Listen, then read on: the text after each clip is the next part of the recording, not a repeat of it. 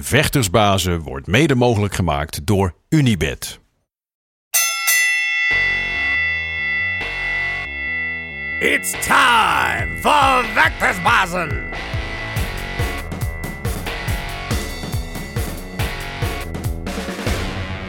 Vechtersbazen zijn terug in je leven, terug in je, op je beeldscherm of in je oren. Hoe je deze podcast ook tot je neemt. Via Spotify, Apple Podcasts of YouTube. We zijn in ieder geval blij dat jullie weer kijken of luisteren. Eh, je weet, we besteden elke week aandacht aan alle sterren uit de Nederlandse vechtsport zien. Of het nou legendes zijn uit het verleden, huidige sterren of aankomende sterren. Eh, de twee mannen, mannen die bij mij op de bank zitten vandaag zijn misschien wel aankomende sterren, maar zijn wel een heel bijzonder duo. Tweeling. Marcel, Tyrone Sterkenburg, Yes. wereldkampioen, vice-wereldkampioen, worstelen. Wauw. Dat Ja. is- klinkt heel on-Nederlands als ik dat zo zeg. Nee, klopt, klopt. Ja. Dat is het eigenlijk ook. Ja, eh, ik ben heel blij dat jullie hier zijn. Ik vind het echt heel tof. Eh, we gaan straks uitgebreid met jullie praten over jullie achtergrond, het worstelen, jullie ambities en eh, wie jullie nou eigenlijk zijn. Maar we beginnen altijd dit programma met het onderdeel dekkinglaag. Dus je krijgt van mij een aantal stellingen op jullie afgevuurd. En dan mag je zonder al te lang over nadenken gewoon proberen snel op te reageren, spontaan. En dan Oh, eh, zit daar misschien nog wel een antwoord tussen waar we later over verder kunnen praten. Dus zijn jullie daar klaar voor? Zeker. Oké, eh, ik, ik zal elke stelling, jullie mogen ze allebei beantwoorden. Ik, jij bent de oudste, hoor ik net, Mhm. van de tweeling. Ja. Ehm, dus ik begin dan elke bij jou en jij mag dan eh, als tweede aan, eh, aanhaken. Ehm, worstelen of MMA? Worstelen. Ook worstelen. Takedown or take-out? Takedown. Ja, takedown. Die zijn we mooi eens. Toevallig. Tyrone of Marcel? Marcel. Tyrone.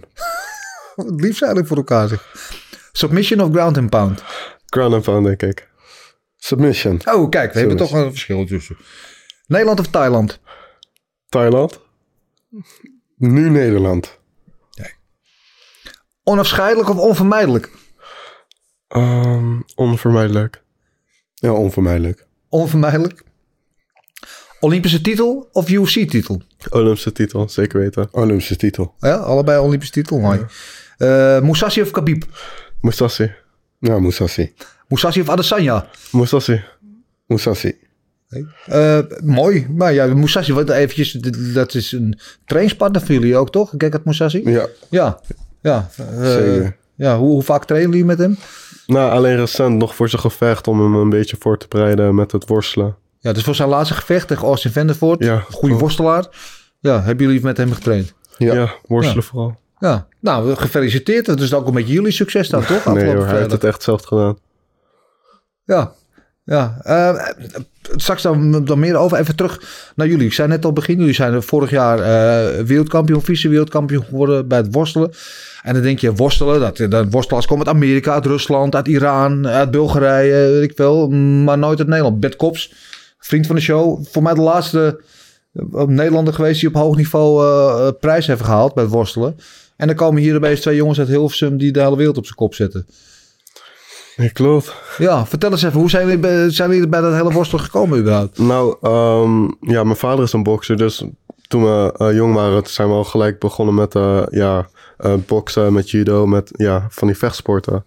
En dan zijn we vanaf uh, nieuw gegaan bij de Voltreffer, waar we boksen. Ja, Ehm, gingen we voor de training nog even stoeien en toen heeft een oud worstelaar, Ben Stelte, heeft Ja. ons ehm, ja, naar het worstelen gestuurd. ja, Sindsdien zijn we ook bij het worstelen gebleven en van judo afgegaan. Ja. Zo'n overstap gemaakt. en dat was meteen dat je dacht van, ja, dit is, dit is wat wij eh, leuk vinden. Ja, zeker, zeker. Ja. Ja, klopt het een beetje? Ja, ja, het klopt een beetje. Hij laat wat eh, dingen eruit, maar... Vertel, vul gerust aan.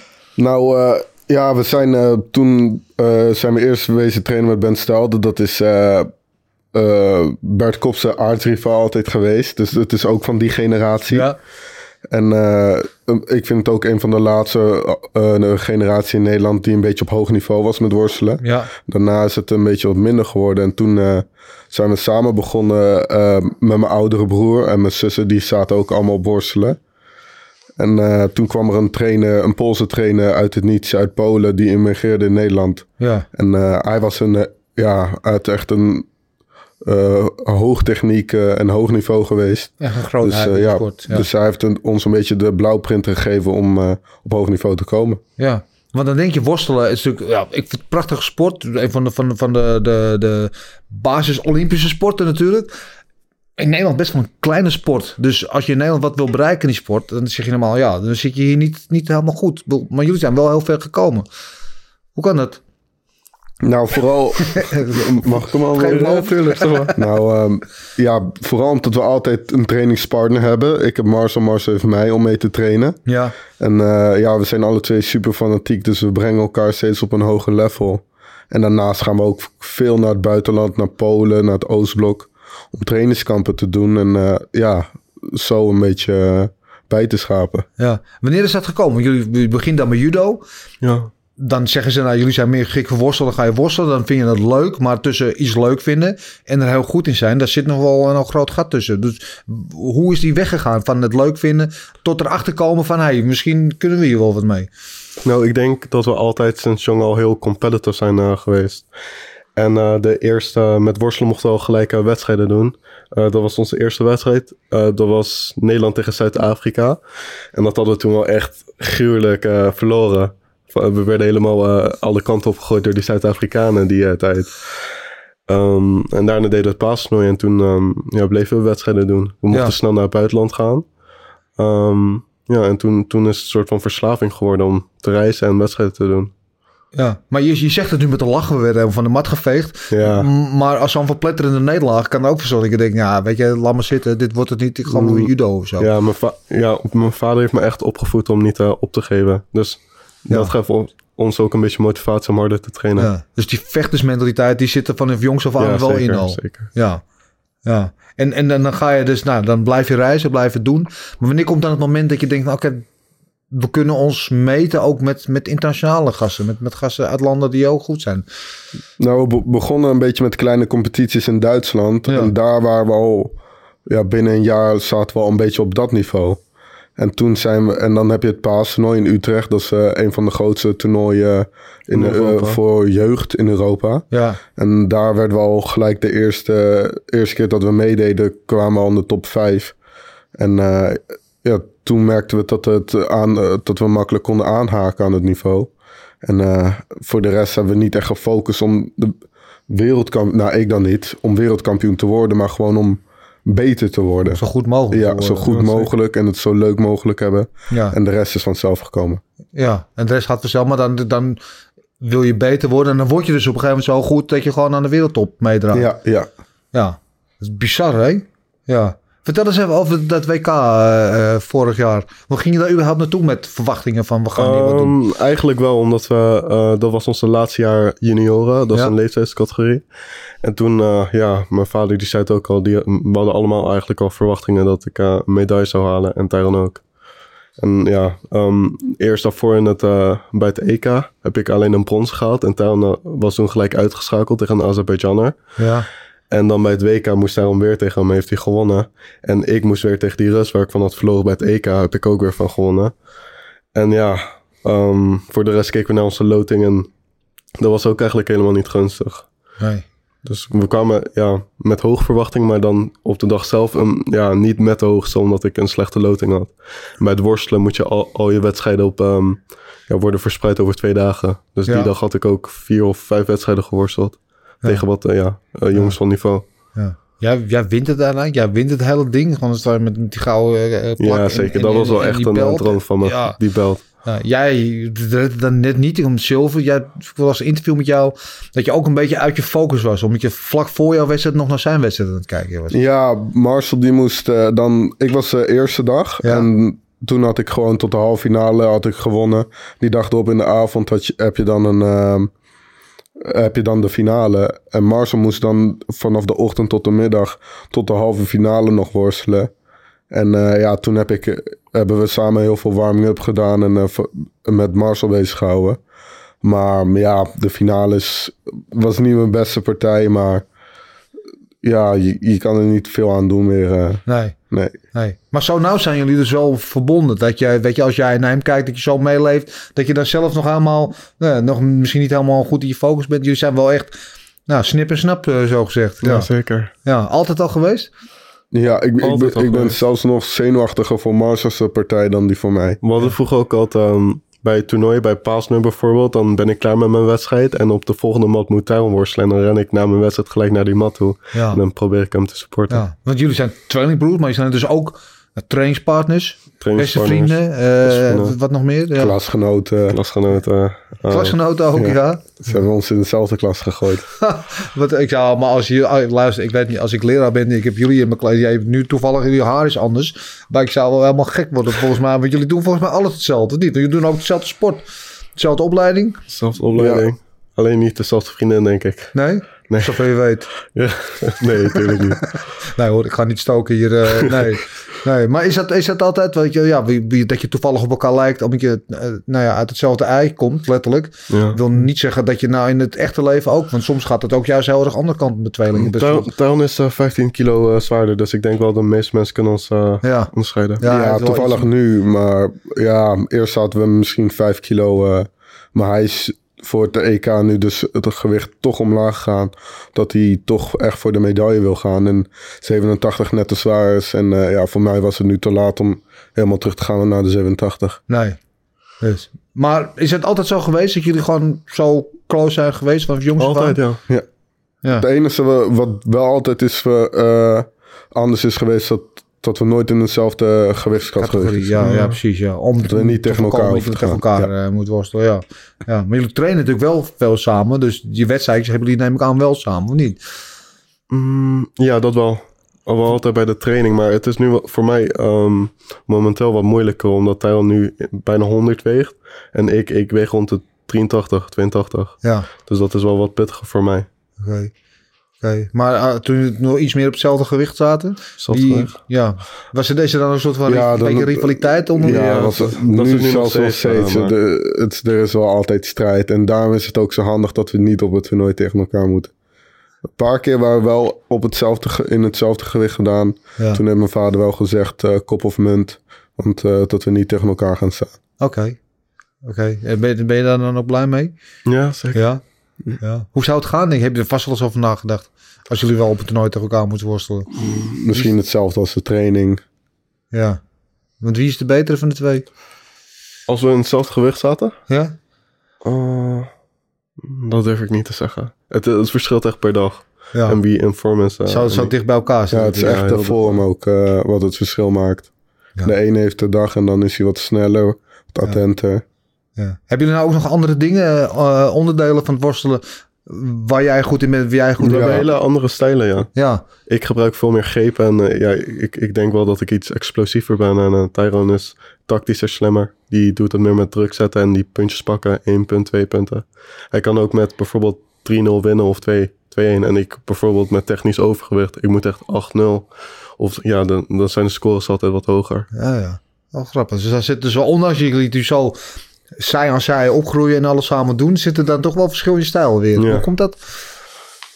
Ik, ik ben denk ik mm, wat creatiever, denk ik. Ook met eh, mijn recreatiedingen, dan teken ik en eh, ga ik naar de film. En Tyron doet juist wat meer, ja, ehm, wat doe je eigenlijk? Ja. ja, wat doe jij in je vrije tijd graag?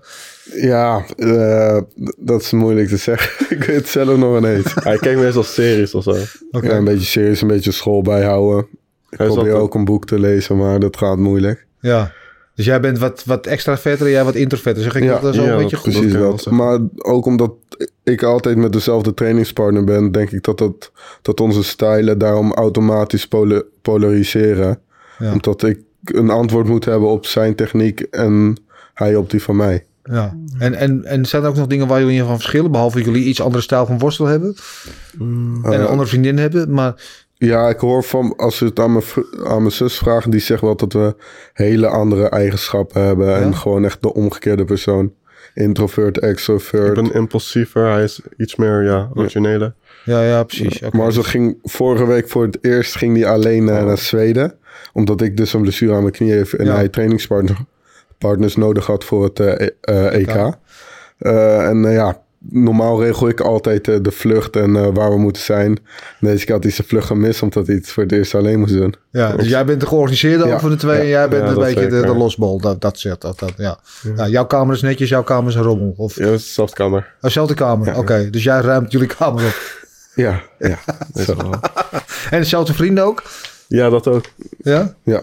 Ja, meestal... ehm, we hebben niet echt zoveel vrienden. Het is meer in het buitenland die we tegenkomen van, eh, van, van sport. We hebben niet zoveel heel, heel veel tijd om sociale, zoals uitgaan en zo. Nee. dat zit er niet echt in. Nee. Want hoeveel tijd eh, zijn jullie in de week kwijt in jullie sport? Nou, we trainen eh, twee, drie keer per dag. En eh, daarnaast studeren we nog. Dus eh, Meestal dan zijn we de zondag vrij, maar dan heb je gewoon, ben je zo moe van training dat je gewoon lekker thuis wil blijven in je bed of een beetje wil, eh, gaat wandelen. Ja. Oké. en als ik eh, vrije tijd over heb, dan ben ik toch liever met mijn familie. Ja. Mooi. Want jullie hebben een hele eh, hechte band met de familie. Ja, Ja, want eh, dat vroeg net eventjes een, een Nederland of Thailand. Dus jij Thailand en jij zijn Nederland. Want jullie zijn half Nederlands, half Thai, toch? Ja, dat is het goed, ja. ja. En dan van de moederskant of van de... Hoe, eh, zit- Mijn moeder is Thais en mijn vader is de moeder is Nederlands. Thais en, de, en de vader is Nederlands. Oké. Ja. En, en de vader is de bokser. eh, van De bokser, Ja.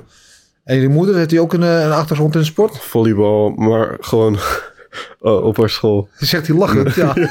Het is gewoon als recreatie, maar soms zegt ze dat. Ja, oké. Maar er is niet een, een topsportachtergrond? Nee, nee, Toch. dat niet. Toch, nee. Maar toch dat atletische zit wel in, in de genen Ja, een beetje, ja toch? dat denk ik wel. Ja. Moeder is wel was- een hele harde werker. Ja, want ik zag jou eh, vorige week waren eh, in, bij Kops een item aan het opnemen voor Eurosport. Toen ging jij je warming-up doen. Toen zag ik je allerlei fratsen uithalen. Dat, ik denk, dat kan ook zo in Cirque du Soleil. eh. Ja, dus dat hele atletische en lenige en flexibele, explosieve, Ja. dat, dat zit ook door training, maar dat zit ook een beetje in de genen, of niet? Ja, denk het wel. Ja, Andere lichaamsbouw ook. Ik kijk op trainingskamp en dan zijn wij heel droog. En ik denk dat het echt details genen zijn. ja. Wat grappig, hè? Wat leuk. Hey, en eh, als, als jullie zoveel dingen leuk eh, vinden, als jullie samen op reis zijn, eh, in de auto zitten, ik noem maar wat. Ook geen ruzie dus over welke muziek erop moet? Of vinden jullie wel andere muziek? Eh, ja, we kibbelen wel een beetje veel. Ja, het- ja? ja eigenlijk hebben we wel eens ruzie. Maar we kunnen het wel hebben, want eh, ja, Ik, denk, ik denk gewoon als, als je met iemand 24-7 op de kamer of zo zit, dat dat eh, onvermijdelijk is. Oké, oké. Want wat, wat, wat noemen ze wat muziek? Wat luister graag? Eh, wat zeg je? Wat voor muziek luister jij? Muziek? ehm, pff, het verschilt hip-hop. eh, soms, ja, meestal oldschool een beetje en oude muziek, Elvis Presley, Oké, oké. zoiets. Bijzonder, heb je dat van huis uit meegekregen? Of? Ik, ik, ik luister gewoon de muziek van mijn vader, denk ik. Ja. En jij? ja, ook een beetje hip-hop, maar dan ook een beetje pop daarbij en eh, wat nieuwe muziek ook. Oké, oké. Dus jij bent meer van de nieuwe tijd, jij meer van de oude... Nou, nee, ik hou ook wel van oude ja, muziek. houdt ook wel van oude ja. muziek. Oké. Ah, zie je, het komt dan toch wel helemaal goed, toch?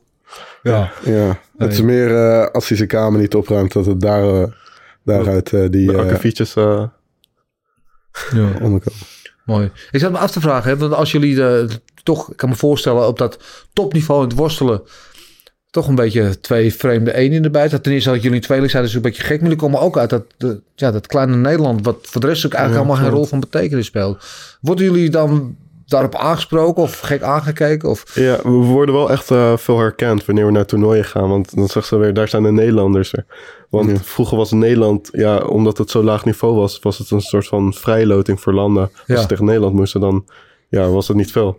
Ja, en nu nou, is het zo van, eh, Ja, dat werd vooral na het WK door de, door de Oekraïne gezegd en de Belarus. Die kwamen naar mijn coach en die zeiden van... eh, ja, een paar jaar geleden toen we tegen Nederlanders stonden was het een vrijloting. En Ja. nu hebben we liever nog tegen een Duitser of een, eh of een Deen of zo staan dan tegen een Nederlander. ja, ja, ja. Oké, dus dat hebben jullie vast gewonnen. Ja, ja, Maar er is nog werk aan de winkel, toch? ja zeker, we kunnen zeker nog groeien. Dat Ja. sowieso. Wat willen jullie?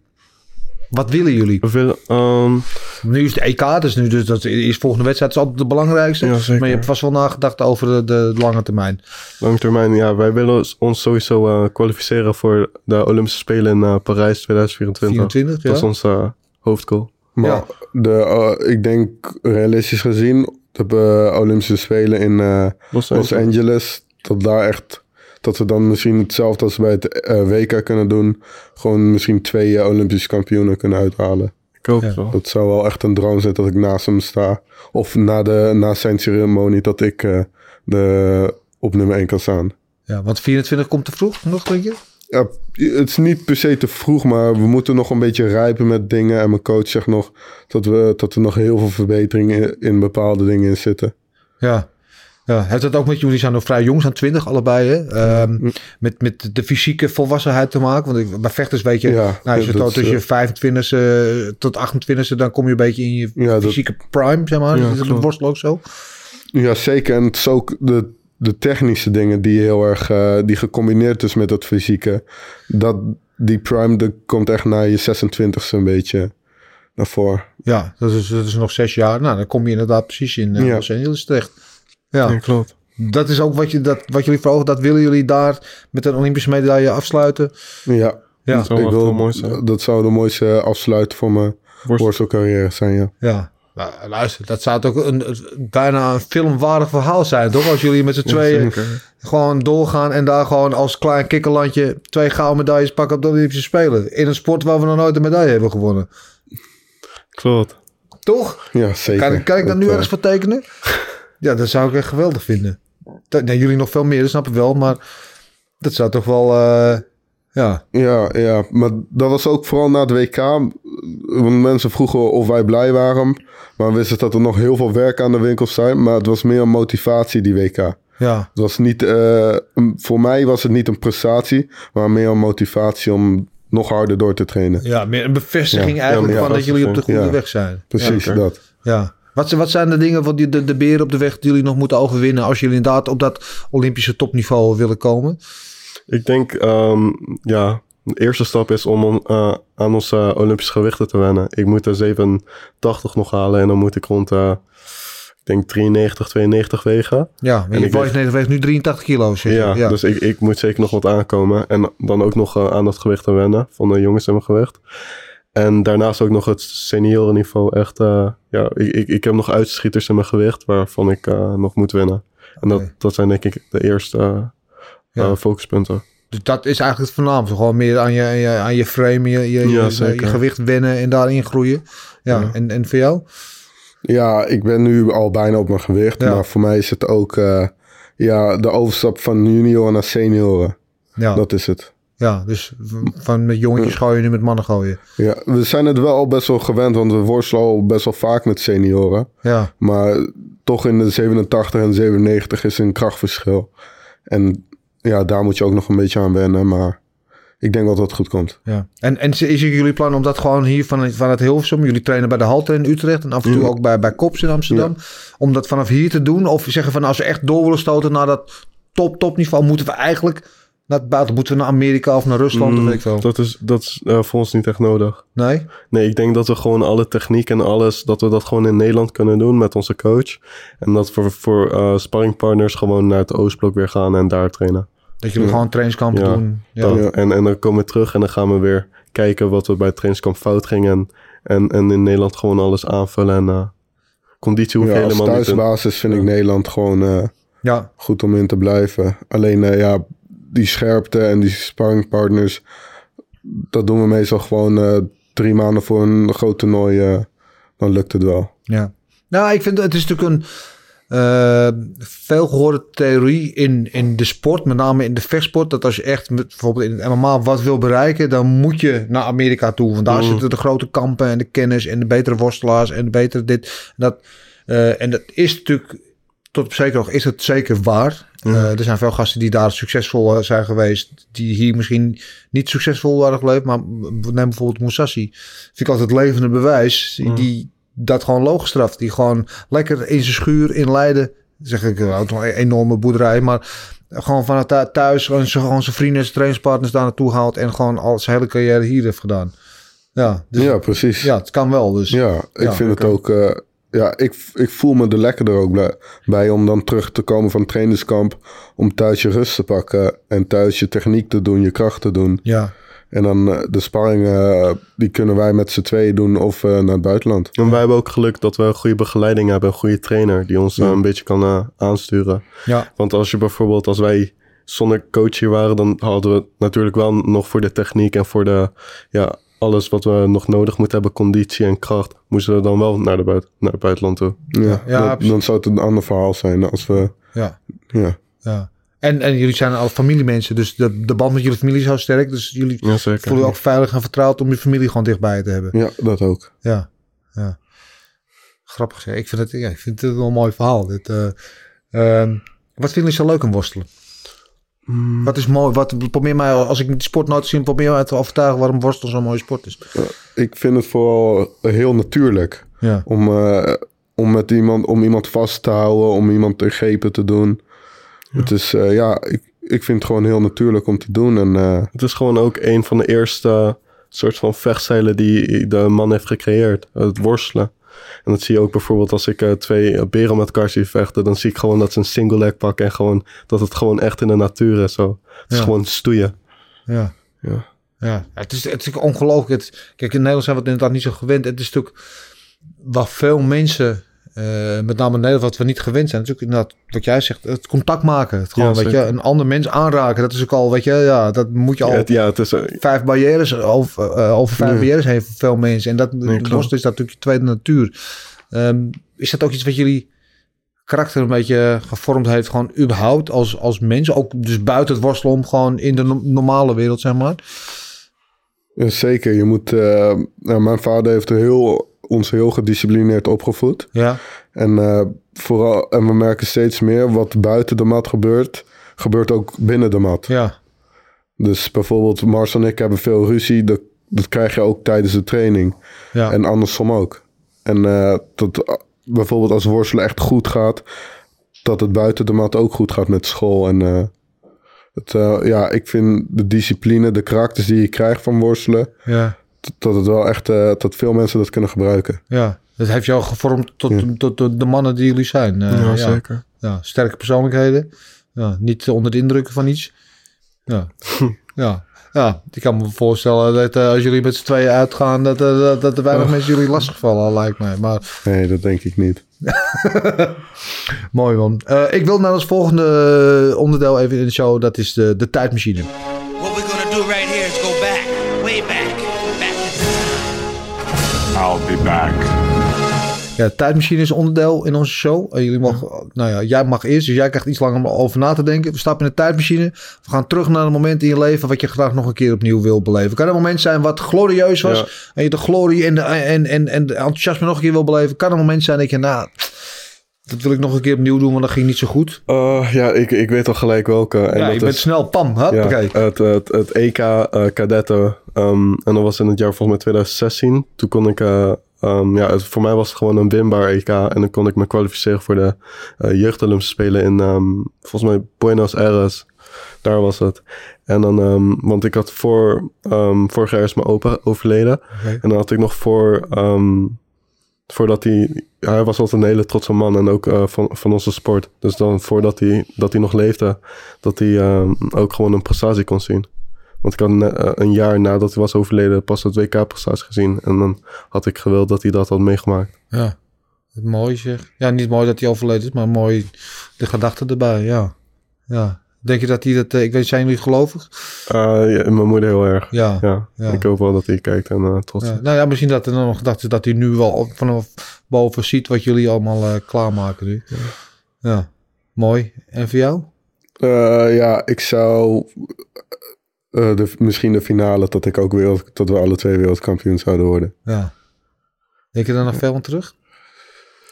Nee, niet per se. Ik ben best wel naar voren gegaan naar, naar de volgende toernooien in zicht. Ja. Maar als ik dan terugkijk, dan is dat wel, ja, dat het net niet, eh, dat ik net te veel aan het denken was eh, op dat moment en net niet scherp genoeg was. Dat was wel jammer, want eh, hij was gewoon winbaar. Ja. Wat zijn, zijn er specifieke momenten in die wedstrijd bijvoorbeeld waar je dan... Ja, gewoon te laks, niet scherp, te veel nagedacht, niet automatisch. Ja. Gaan we, ja, te weinig op instinct. Ik denk wel dat hij die wedstrijd echt honderd, honderden keren heeft eh, afgespeeld in zijn hoofd. Wat Ja. er allemaal anders kon gaan. ja. Zijn jullie allebei zo? Als, als ze tillen jullie zwaar aan het verlies en, en, en draag je dat lang met jullie mee? Eh, ja, Totdat we weer gewonnen hebben, dragen we het mee. Ja, het is moeilijk, want eh, soms eh, wanneer je verliest, want er is een knockout systeem. En als eh, waarvan je hebt verloren, die in de finale gaat, dan moet je repassage worstelen. En dan kan je niet meer jammeren over de verlies. En dan moet je klaarmaken voor de vor- volgende wedstrijd voor de derde plek. Ja, dus je hebt eigenlijk niet te lang tijd om stil te staan. Nee, Echt, nee, nee. klopt. Dat is ook wel fijn, toch? Eigenlijk, ja. Dan kan je er snel weer van je afgooien, ja. ja. Merk je dat dan in zo'n wedstrijd ook? Soms heb je dat wel, dat je wel, wel het goede gevoel, niet het goede gevoel, dat je die mat opstapt. Merk je dan ook al van, zit er niet lekker in? Of, Ja, ja, dat merk je wel. Dat je net niet de focus hebt eh, Ja. voordat je de mat op staat. Mm, Ja. Dat merk ik dan wel. Oké. Nou, ik, ik weet, Ehm, nou, dit is pas recent dat ik dit doe. Uh, afgelopen jaar dat ik gewoon alleen let op mijn ademhaling en dan gewoon zo ontspannen mogelijk ben. Ja, Want met ontspanning en kalm, dan ben je ook het meest gefocust. ja. Ja, dat was inderdaad was mijn volgende vraag. Dankjewel. Oh, ja. Heb je bepaalde rituelen inderdaad? En jullie trekken natuurlijk veel met elkaar op met die toernooi. Ook inhalen, zijn jullie dan ook bij elkaar? Of zijn jullie daar meer van de afzondering? Of... We zijn, ja, we zijn uh, altijd bij elkaar omdat we uh, de warming-up samen moeten doen. En ik moet hem uh, voorbereiden voor zijn wedstrijd. Ja. Wakker schudden, Ja. masseren nog en invechten. Zijn er bepaalde rituelen die jullie doorlopen op zo'n zo'n dag? Ik, ik wel. Um, ja, ik um, ga eerst naar de wc. Daarna doe ik wat water over mijn gezicht.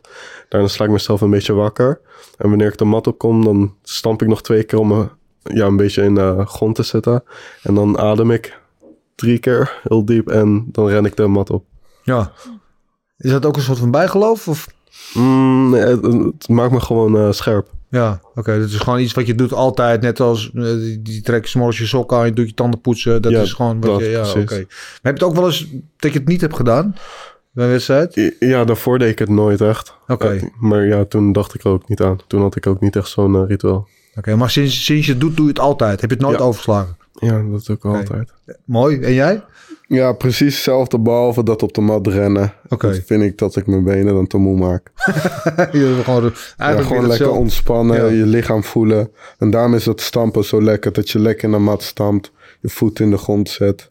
En dan loop je naar je tegenstander. Ja, eigenlijk weer hetzelfde wat we het net over hadden. Jij er weer iets uitgesproken en jij er weer iets, iets meer in de rustig teruggetrokken. Ja, ja.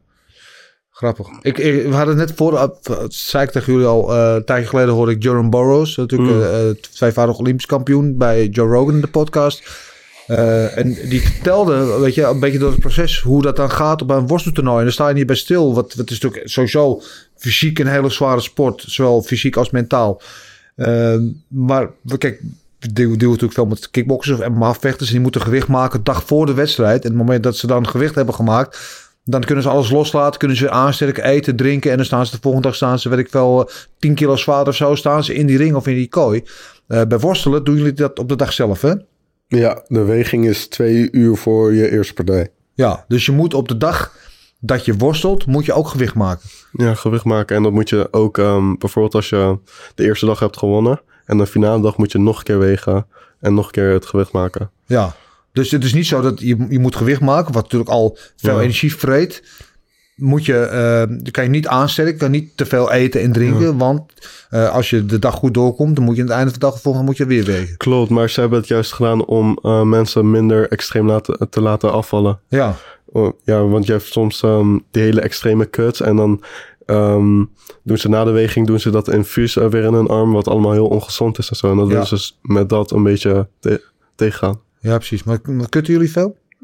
Nee, eigenlijk niet. Bijna niet. Bijna niet. niet. Bijna niet. Een nee. beetje op voeding letten en dan één training misschien voor de weging. Ben je een kilo uh, van vocht, anderhalf kilo vocht weg. Ja. En dan, uh, ja. Dan ik heb wel vrienden die heel veel afvallen. Die moeten bijvoorbeeld nu nog binnen een week tijd 8 kilo. Of, of dan in twee dagen, de laatste twee dagen, moeten ze nog 4 kilo. En doen ze allemaal met vocht. Ja, maar dan moeten ze dus uh, 8 kilo in de week afvallen. Maar dan moeten ze dus op dat gewicht blijven.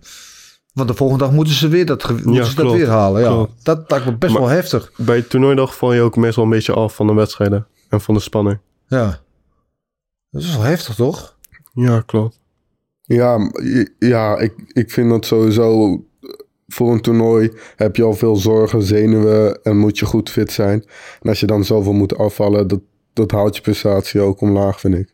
Ja. Want hoe, hoe, eh, op zo'n toernooidag, hoeveel wedstrijden worstel je dan?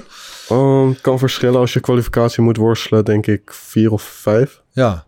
ja en, en, en dat is ook uitputtend op zichzelf al. Ja, zonder dat hele eh, afval gebeuren en wat energie kost, is het natuurlijk al energieverslindend. En dan moet je de volgende dag moet je dan dus in de finale Ja. nog een keer een topprestatie leveren. Wauw. Het Ja, die, die- Ja, het is altijd... Ja. Ja, voor jullie is het heel normaal. Ik hoor dat het verhaal. Denk ik, wauw. Het dat is wel gewoon Ja, hardcore shit, hè?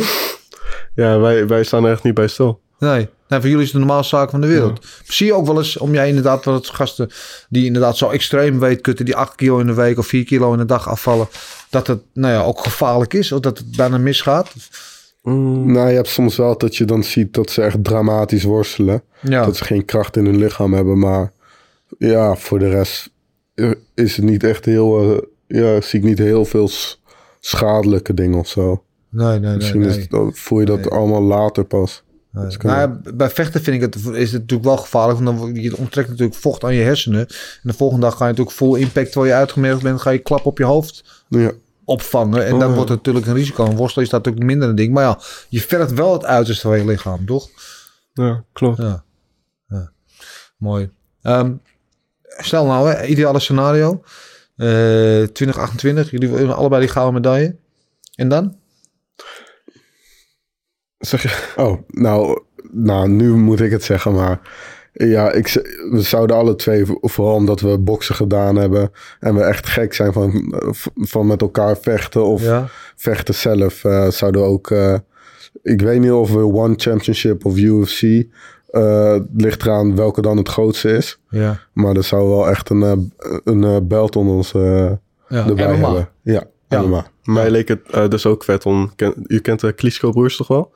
Hoe zij, de Klitschko-broers. Ja, tuurlijk. Ja, ja. Ja. en hoe zij al die andere organisaties hebben gedomineerd. Ja. Dat ze al die verschillende belts hebben. Dat, Ja, dat bev- bijvoorbeeld naar One Championship gaat en ik naar de UFC. Of, en dan een van ons naar Bellator. Dat zou echt een droom zijn. Na de Olympische dat jullie gewoon van alle organisaties gewoon even de belts gaan dat ophalen. zou echt heel vet zijn. ja. Oh, hebben jullie eigenlijk, we zitten net te denken, jullie natuurlijk met jullie, met jullie Thaise achtergrond. Eh, hebben jullie een beetje populariteit in Azië? Hebben, zijn jullie daar, want dan zouden jullie bij One zouden jullie dat bijvoorbeeld goed kunnen doen. nu. Ja, zeker. Ja, nou, na het WK waren we wel op televisie daar eh, te zien dat we dat gehaald hadden. Maar we hebben nog niet echt veel. eh, Voor het land gedaan qua prestaties of iets. Maar Nee. ja, maar ik denk wel dat ze dat, ze dat wa- zouden waarderen. Als Ja. wij dan ook voor Thailand. Ja, ja. En, en waar ligt dan de voorkeur? Is het de een naar de One, de ander naar UFC? Wie gaat er waarheen? we moeten eerst even kijken ook ehm, ehm, hoe, eh, ongeveer die tijd wie er allemaal in de ge- gewichten zitten. Dat ook een beetje kijken. En dan eh, ja, zo een beetje onderzoeken en dan daarbij eh, op afstemmen. Ja, mooi. Maar ehm MMA, jullie volgen nu ook wel een beetje al? Ja, ja, zeker. Maar ja, niet echt zoals eh, hoe we worstelen eh, focussen, eh, volgen. Omdat onze focus nog echt bij het worstelen ligt. En dat we niet te veel afleiding aan willen kijken. Nu kijken we het alleen voor de lol. Ja. Maar als je, ik heb jou al gevraagd in een interview bij Eurosport, maar we doen het gewoon nog een keer opnieuw. Als je naar MMA-vechters kijkt, eh, kijk je dan met name ook naar de jongens met een worstelachtergrond? Ja, zeker. Dat Ja. is voor ons het eh, meest interessant om te kijken. Ja, Want- wie kijk je dan met name? Sowieso eh, ehm, die Kamzat, kent je Ja. Hem. En ja, ehm Khabib sowieso. En ehm, ja, wat American State Wrestlers. Maar voor ons is dat iets minder eh, interessant dan die Russische echte worstelaars.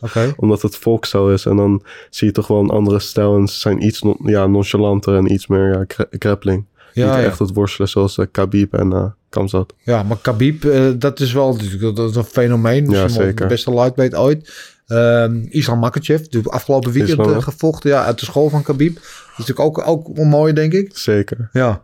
Ja, voor jou hetzelfde namen? Ja, ik vind Usman ook leuk om te zien. En eh eh, Ades- Adesanya. Zo, Ja, je leuk, ja. Ja. Ja, ik vind hem wel... eh, ja, hij heeft wel wat. is geen worstelaar. Nee, het is geen worstelaar, maar gewoon zijn ritme, hoe die vechten. dat is eh, creatief, ja. creatief. Hij is heel intelligent in het vechten. Ja, super intelligent. Ja, Ja. dus eh, daar kijk ik ook wel naar. En En. Francis. Francis ook. Romero ook. Oude- Romero, ja, zilveren worstelaar. medaille gewonnen ooit. Ja. Ja. op de Olympische Spelen. Ja. Dat is eigenlijk een beetje jullie... Ah, jullie willen dan natuurlijk goud, maar het is ook eigenlijk een beetje jullie eh, blauwdruk, toch? Ja. Ja, eh, medaille pakken op de Olympische Spelen en dan ass kicken in de kooi. Dat zou echt heel vet zijn. Ja, mooi. En eh, ja, Oesman, jij vindt Oesman wel tof, jij vindt Oesman niet Ik, zo? ik vind Oesman ook wel... Oké, Ja, ja, zeker. ja. Maar die heeft ook wel een mooie, een beetje, ja, ik wil niet zeggen Russische stijl, maar heeft ook die, die stijl met wat Khabib vind ik heel, Ja. heel veel druk en heel veel, eh, eh, heel veel pressie en, en agressie naar voren. Ja, Daarom wil ik hem zo erg tegen Kamzat zien. ja, Het, is, eh, ja, het lijkt me wel een leuke matchup. ja. Kamsat, toekomstige kampioen, denk ik, of niet? Je weet nog, hij heeft nog geen, hij heeft niet meer dan, ja, je ziet bij hem niet de latere rondes nog, omdat hij Nee. alles zo snel wint. Oh, dwars er doorheen, ja. Ja. Dan kijken of hij dat volhoudt, vijf rondes, vijf minuten. Dat is Ja. toch heel anders. ja. Maar ja, eh Kamsat tegen Adesanya, noem maar wat. Hij vecht nu nog een beetje in twee divisies, hè. Maar ja. tegen Adesanya, hoe zou dat gaan? Eh, Oh, die me ook wel heel vet. Ik denk dat Adesanya dat niet eh, Met door het worstelen van Kamzat. Takedown. Dat hij dan... eh, Te veel druk. Of Adesanya moet hem echt afhouden, maar dat hij de druk niet aan kan. Nee.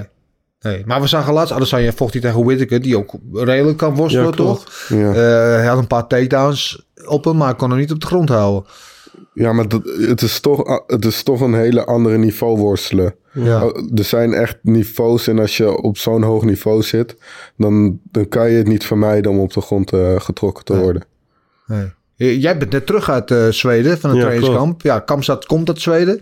Nog toevallig een potje met hem geworsteld of niet? Nee, nee, ik was wel toevallig omdat we een van mijn beste vrienden Chechense is. En eh, ja, die broer die kwam ook uit Kopenhagen. En dan was er ook een hele goede vriend van Kamzat. En die, die eh, traint ook altijd met hem. Echt zijn trainingsmaatje. Ja, Die was er alleen. Maar voor de rest heb ik niet met hem geworsteld of ge, oké. ja, gespart. Oké. Zou het wel leuk vinden om het een keer eh, ja, zou me wel met hem te zijn. rollen? Ja, Hij is ook veel in Thailand volgens mij, Kamzat. ja hij traint veel bij, eh bij Ah, Tiger Muay Thai. oh, ja. Tiger. In Ja. Phuket is dat of niet?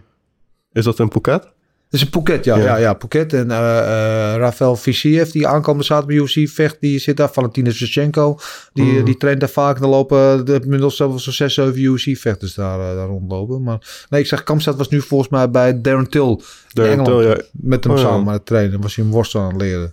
Ja, ja. Ja. Toch Kan, ook, kan ook jullie rol worden, toch? Dat doe je nu al. Nu al met Musashi aan het trainen. Ja, maar voor, ja, ik, ik hoor dat heel vaak dat, we, dat mensen zeggen dat we niet eh, gebruikt eh, moeten worden door andere mensen. Want ik wil niet uiteindelijk een bijvoorbeeld trainingspartner worden. Maar voor Moussassi vond ik het heel leuk om te doen als eerste Ja. keer. En ja, ik, ik, ik mag hem ook wel heel erg eh, qua persoon dat hij is. Hoe hoe is het om met hem te trainen? Goed, goed. Hij kan, eh, hij kan eh, worstelen heel goed eh, neutraliseren en zo. Hij, hij neemt heel weinig damage en hij, hij weet ook waar hij alles zijn gewicht moet verplaatsen. En, en alles een beetje moet afhouden. En, Ja, want hij was altijd al, al een vrij goede grappler. Dat kon Ja, hij altijd zeker. al wel. Zeker, en en, hij. en ground pound is ook heel sterk. Want worstelen, worstelen had, was altijd een beetje een onderschoven kindje bij hem. Heel lang. Mm. En totdat het niet meer was. Tot hij op een gegeven moment dat van, dit moet ik ook doen. En eh, merk je dan ook dat hij, dat, dat, dat hij daar stap in maakt? Um, ja, zeker. Maar ja, bijvoorbeeld, je, je ziet ook dat hij er niet echt mee is eh, opgegroeid Nee. met zijn aanval. Maar, maar dat vermijdt hij ook. Hij zegt dat ook dat hij, eh, om- omdat hij het niet kan en dat het alleen maar een energieverspilling is als hij takedowns zou doen. Ja. Maar wat zijn de dingen die hij dan van, je, van jullie leert? bijvoorbeeld? Nou eh, ja, te- tegen, de, tegen de hek staan vooral. vooral. En ja. ja, een beetje dat wij chain wrestling moeten doen. Dat hij een beetje leert om, eh, ja, om te, weer te staan. Van de grondpositie weer te Ja, staan. dus leg je inderdaad chain wrestling Ja. inderdaad. Dat is inderdaad als je, van, als je naar beneden wordt gebracht om weer Ja, jezelf omhoog te werken via de kooi. En, ja, Ja. via de kooi. eh, hij, ja, ik vind nog dat hij zijn energie vooral heel goed be- eh, behoudt. ja. Dat hij geen eh, onnodige dingen doet. Nee. Ja. Maar je zegt, jullie moeten je niet laten gebruiken als trainingspartner. Want je hebt natuurlijk je eigen eh, Ja, route uitgestippeld. Aan de andere kant, aan de horizon wil je ooit een keer die stap maken in het MMA. Zeker, maar hij, eh, ik, toen we met hem gingen trainen heeft hij ons ook heel veel geleerd. Ja, Met de- het is heel anders om nog tegen, de, te- tegen de muur of eh, hekken te staan en eh, daar te worstelen en ook op de grond. Dat je op je rug mag liggen en alles. Dat is Ja. iets anders, ja. Maar ja Heel dat is denk ik altijd MMA. Dat is de enige natuurlijk eigenlijk onnatuurlijke Ja, houding voor een worstelaar op je rug. Want dat, daar hoor je natuurlijk niet te zijn.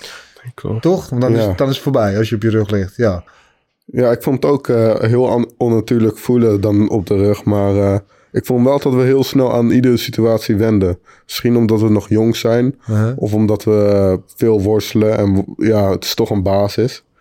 Dat het, ja, dat we makkelijk aanpassen. Ja, vond ik ook. Ja. Ja. Als je je zou ide- identificeren met een MMA-vechter later, hè, wie, wie zou het dan zijn? Wie, Ehm, ik denk. mm, ik denk.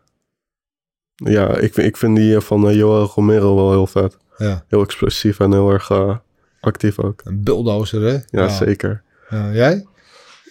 Ik, ik zie eigenlijk nog niet echt een... eh, ja, mijn stijl zie ik nog niet echt in de UFC.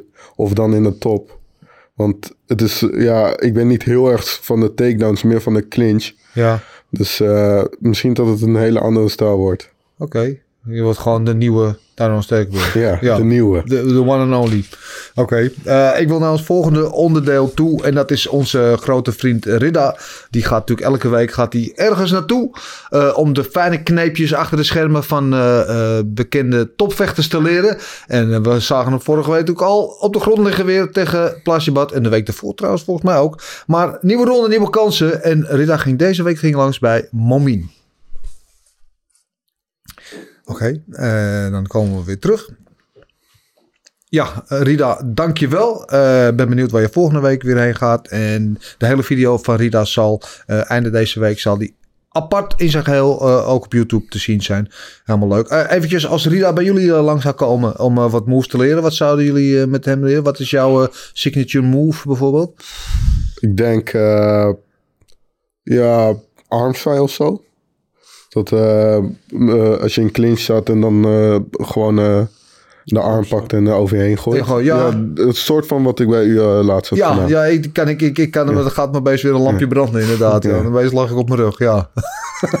dus, dit is, dit is inderdaad, dan heb je je handen om iemand heen. Ja, Deze? en dan dat je, dat je dan eh, met je kont onder hem gaat en dan Je zo uit. onder. Ja. Ja. en dan er over je schouder heen. eh. Oh nee, dat is iets anders. Dat is gewoon clinch. En dan over, ja, de, gewoon die knie toch eronder en ja? dan omhoog. Oh ja. ja, maar, oh, ik weet, Ja. oh, ja, dus dat je op je knie zit, dat je Ja. hem aan je arm over je Ja. heen eh, slingert. Ja, ja. oké. Ja, vrij effectief. Welke zou jij hem leren? Ik denk gewoon ehm, ook met clinch en dan dat ik ernaast stap en dan een souplesse. Gewoon eh, clinch gooien. Je, Ja. je kan het, ehm, wij noemen het dan de Belarus gooien, omdat al die wetrussen die uh, gooi doen. Ja. Oké, Eh, Rida werk in de winkel hoor ik net. eh je moet eh, op bezoek. Eh, wat ik me afvroeg, hè, eh, eh, de worstelen is natuurlijk een kleine sport in Nederland. Nog, dat gaan jullie veranderen. Hebben jullie nou gemerkt dat er wat veranderd is eigenlijk? Sinds jullie dit succes hebben gehad, wat aanzienlijk is.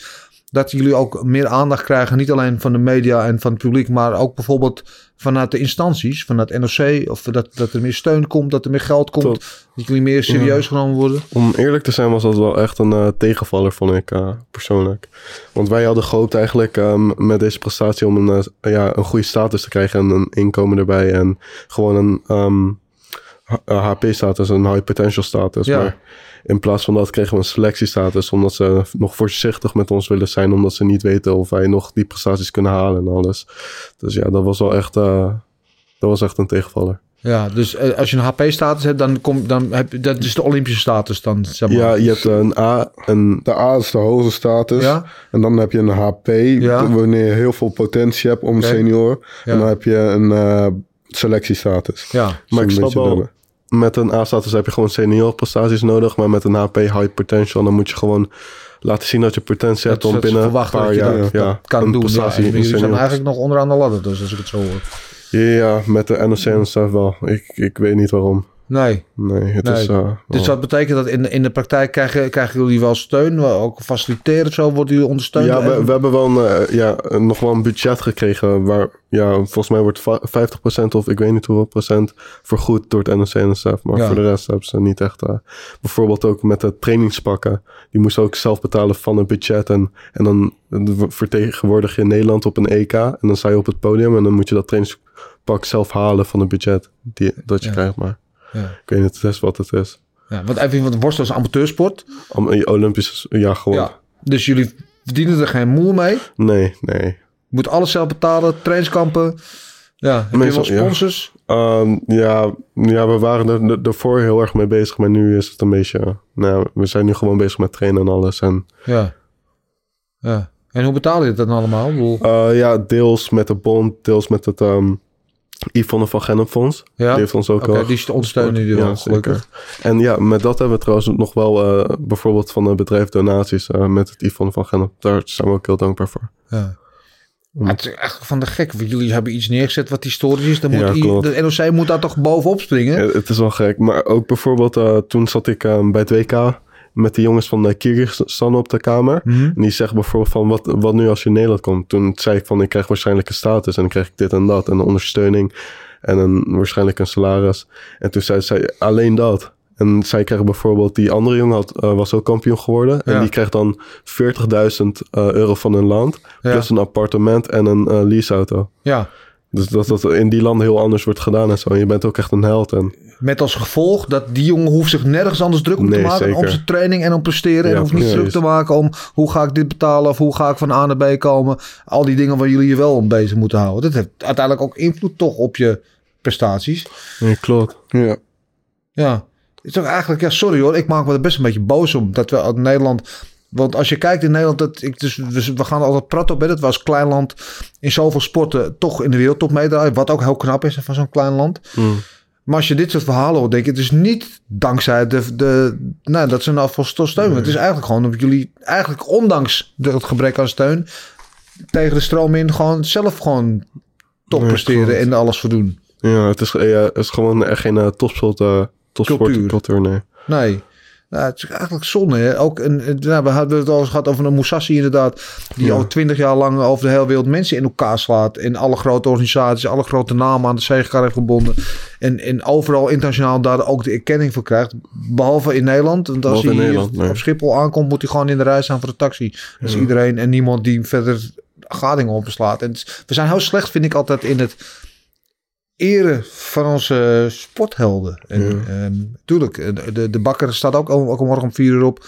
En, en bakt brood waar we allemaal van eten. Dus tuurlijk, die verdient ook de waardering. En het begrijpt het allemaal wel. En, en de verpleegster die uh, mensenlevens redt en zo. Het is ook allemaal...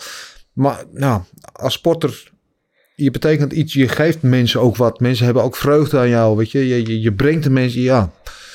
Ik vind dat we af en toe heel ten opzichte van andere landen. Ik weet niet of je dat. Nee, dat ervaren jullie ook zo. Slecht zijn in het waarderen en eren van onze sporthelden. Zeker. Ja, ja het is wat het is. Maar um, ja, voor de rest, het is ook met de topsport zo. Je zet je hele leven.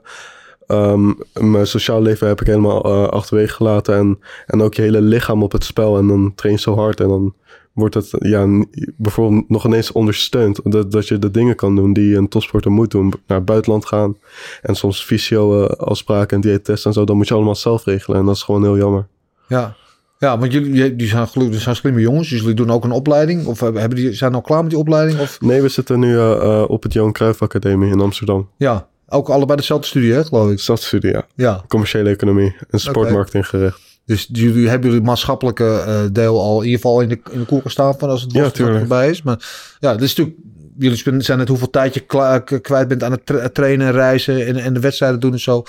Dan is er, daar je hele leven in investeert. En dan ben je straks uh, nou ja, 35 en dan stopt het. En dan ja. heb je eigenlijk niks. Want je verdient niks met wat je doet. Nee. Ja. Nou, het is wel echt een plezier om zo om te doen wat je leuk vindt iedere dag. Dat is ook wat waard. Maar ja, het kan ook uh, misschien ietsjes meer beloond worden, denk ja, ik. Dat is ook Zoiets. Het geeft Ja. wel tenminste een reden om altijd uh, op te staan en, en hard te trainen.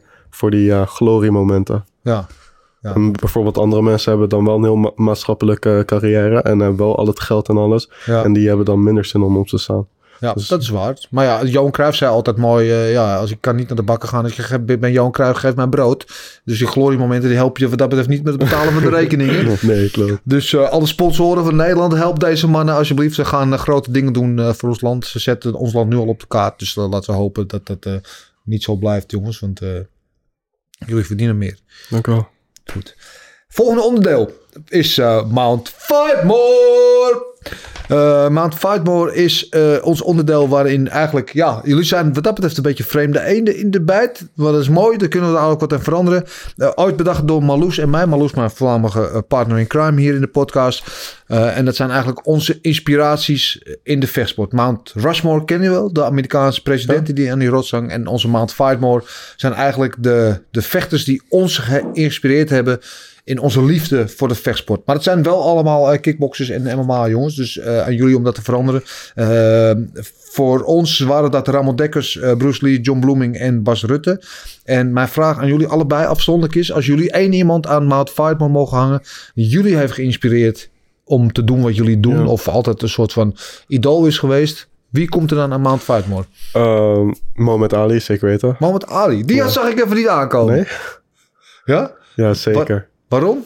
Um, nou, sinds ik uh, vanaf kind af aan uh, kijk ik al altijd zijn clipjes al. En nog ineens altijd zijn boxclipjes, maar ook zijn interviews en soort van zijn highlights van zijn leven. En dat is gewoon echt, ja, het uh, geeft me heel veel motivatie altijd. Ja, inspirerende man. Ook buiten de ring natuurlijk iemand die echt een icoon eh, die natuurlijk heel veel dingen eh, heeft veranderd. Niet alleen als bokser, maar ook, ja, natuurlijk het, het, het, het zijn weigering toen om naar Vietnam te gaan bijvoorbeeld. Inderdaad, dat soort dingen. Ja. Je dat ook mooi? Dat, dat, niet alleen het boksen, maar de persoon achter hem. Ja, zeker. zeker.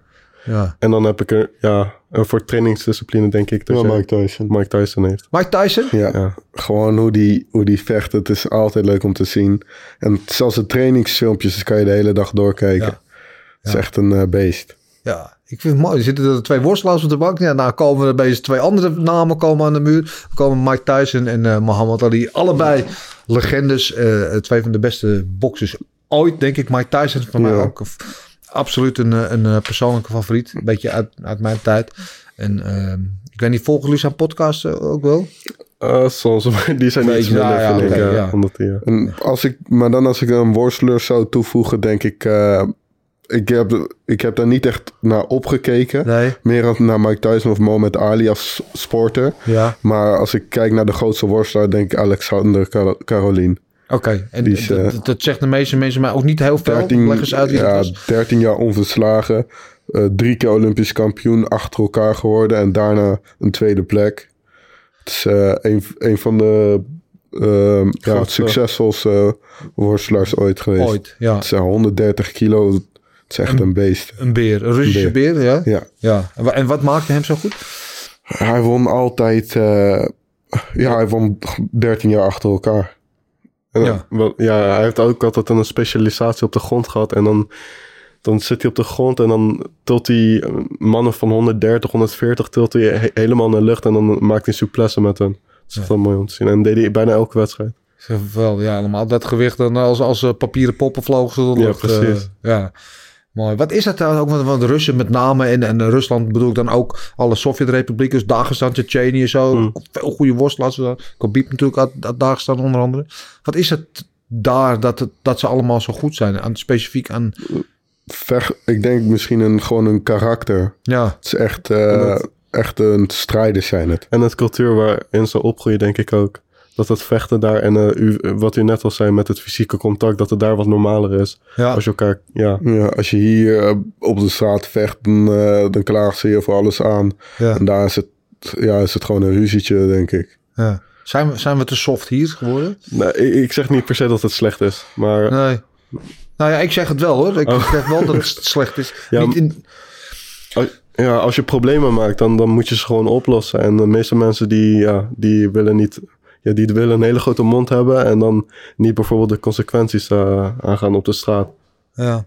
Kijk, ik ben een stukje ouder dan jullie, dus jullie zijn van een andere generatie, maar ehm, daarom vind ik al met worstelen het fysiek contact, want je leert ook je eigen grenzen kennen. Weet je, Mm. het is normaal om, im- om contact te maken met iemand, maar je leert ook je grenzen verkennen en, en ook voor jezelf opkomen. Kijk, vroeger als je ruzie had op straat, wat dan ook, dan knokte je het uit of weet ik veel, Mm. dan kwam je Ja, voor jezelf En daarna ging je, ging je weer terug de kroeg in met elkaar. Dan ging je gewoon over, over de orde van de dag. En de volgende dag ging je met elkaar voetballen op straat. Weet je, dat is gewoon normaal. Ik heb vroeger in, in mijn jeugd tal van knokpartijtjes op straat gehad. Maar nooit serieus. Maar altijd ruzie. Nou, dan is het normaal toch? Ook jongens als jullie met elkaar stoeien vroeger. Dus precies. normaal.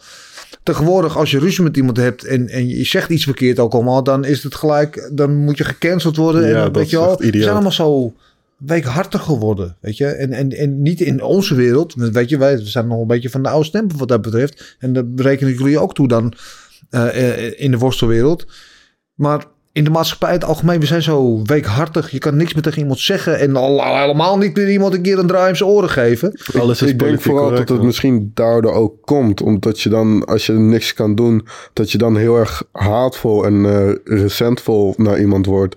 En dat je misschien de enige oplossing die je voor een akkefië hebt, is dan iemand helemaal cancelen. Ja. Met zulke dingen. Ja. Ja, het is ook gewoon een beetje, je moet een beetje dikke huid hebben toch? Je moet toch een Ja. beetje kunnen incasseren. Niet meteen dat je moet zeggen, "Hé, je haar zit gek. En dan zeg je, je hebt zelf een grote neus, weet ik veel. Maar- als je nu tegen jou zegt, je haar zit gek. Je haar zit prima trouwens hoor, maar ik noem Oh. maar van een voorbeeld. Maar dan, dan ga je bij Nee. wijze van spreken huilend, eh, ga je klagen bij Ja, de directeur of zo. Weet je, kom op.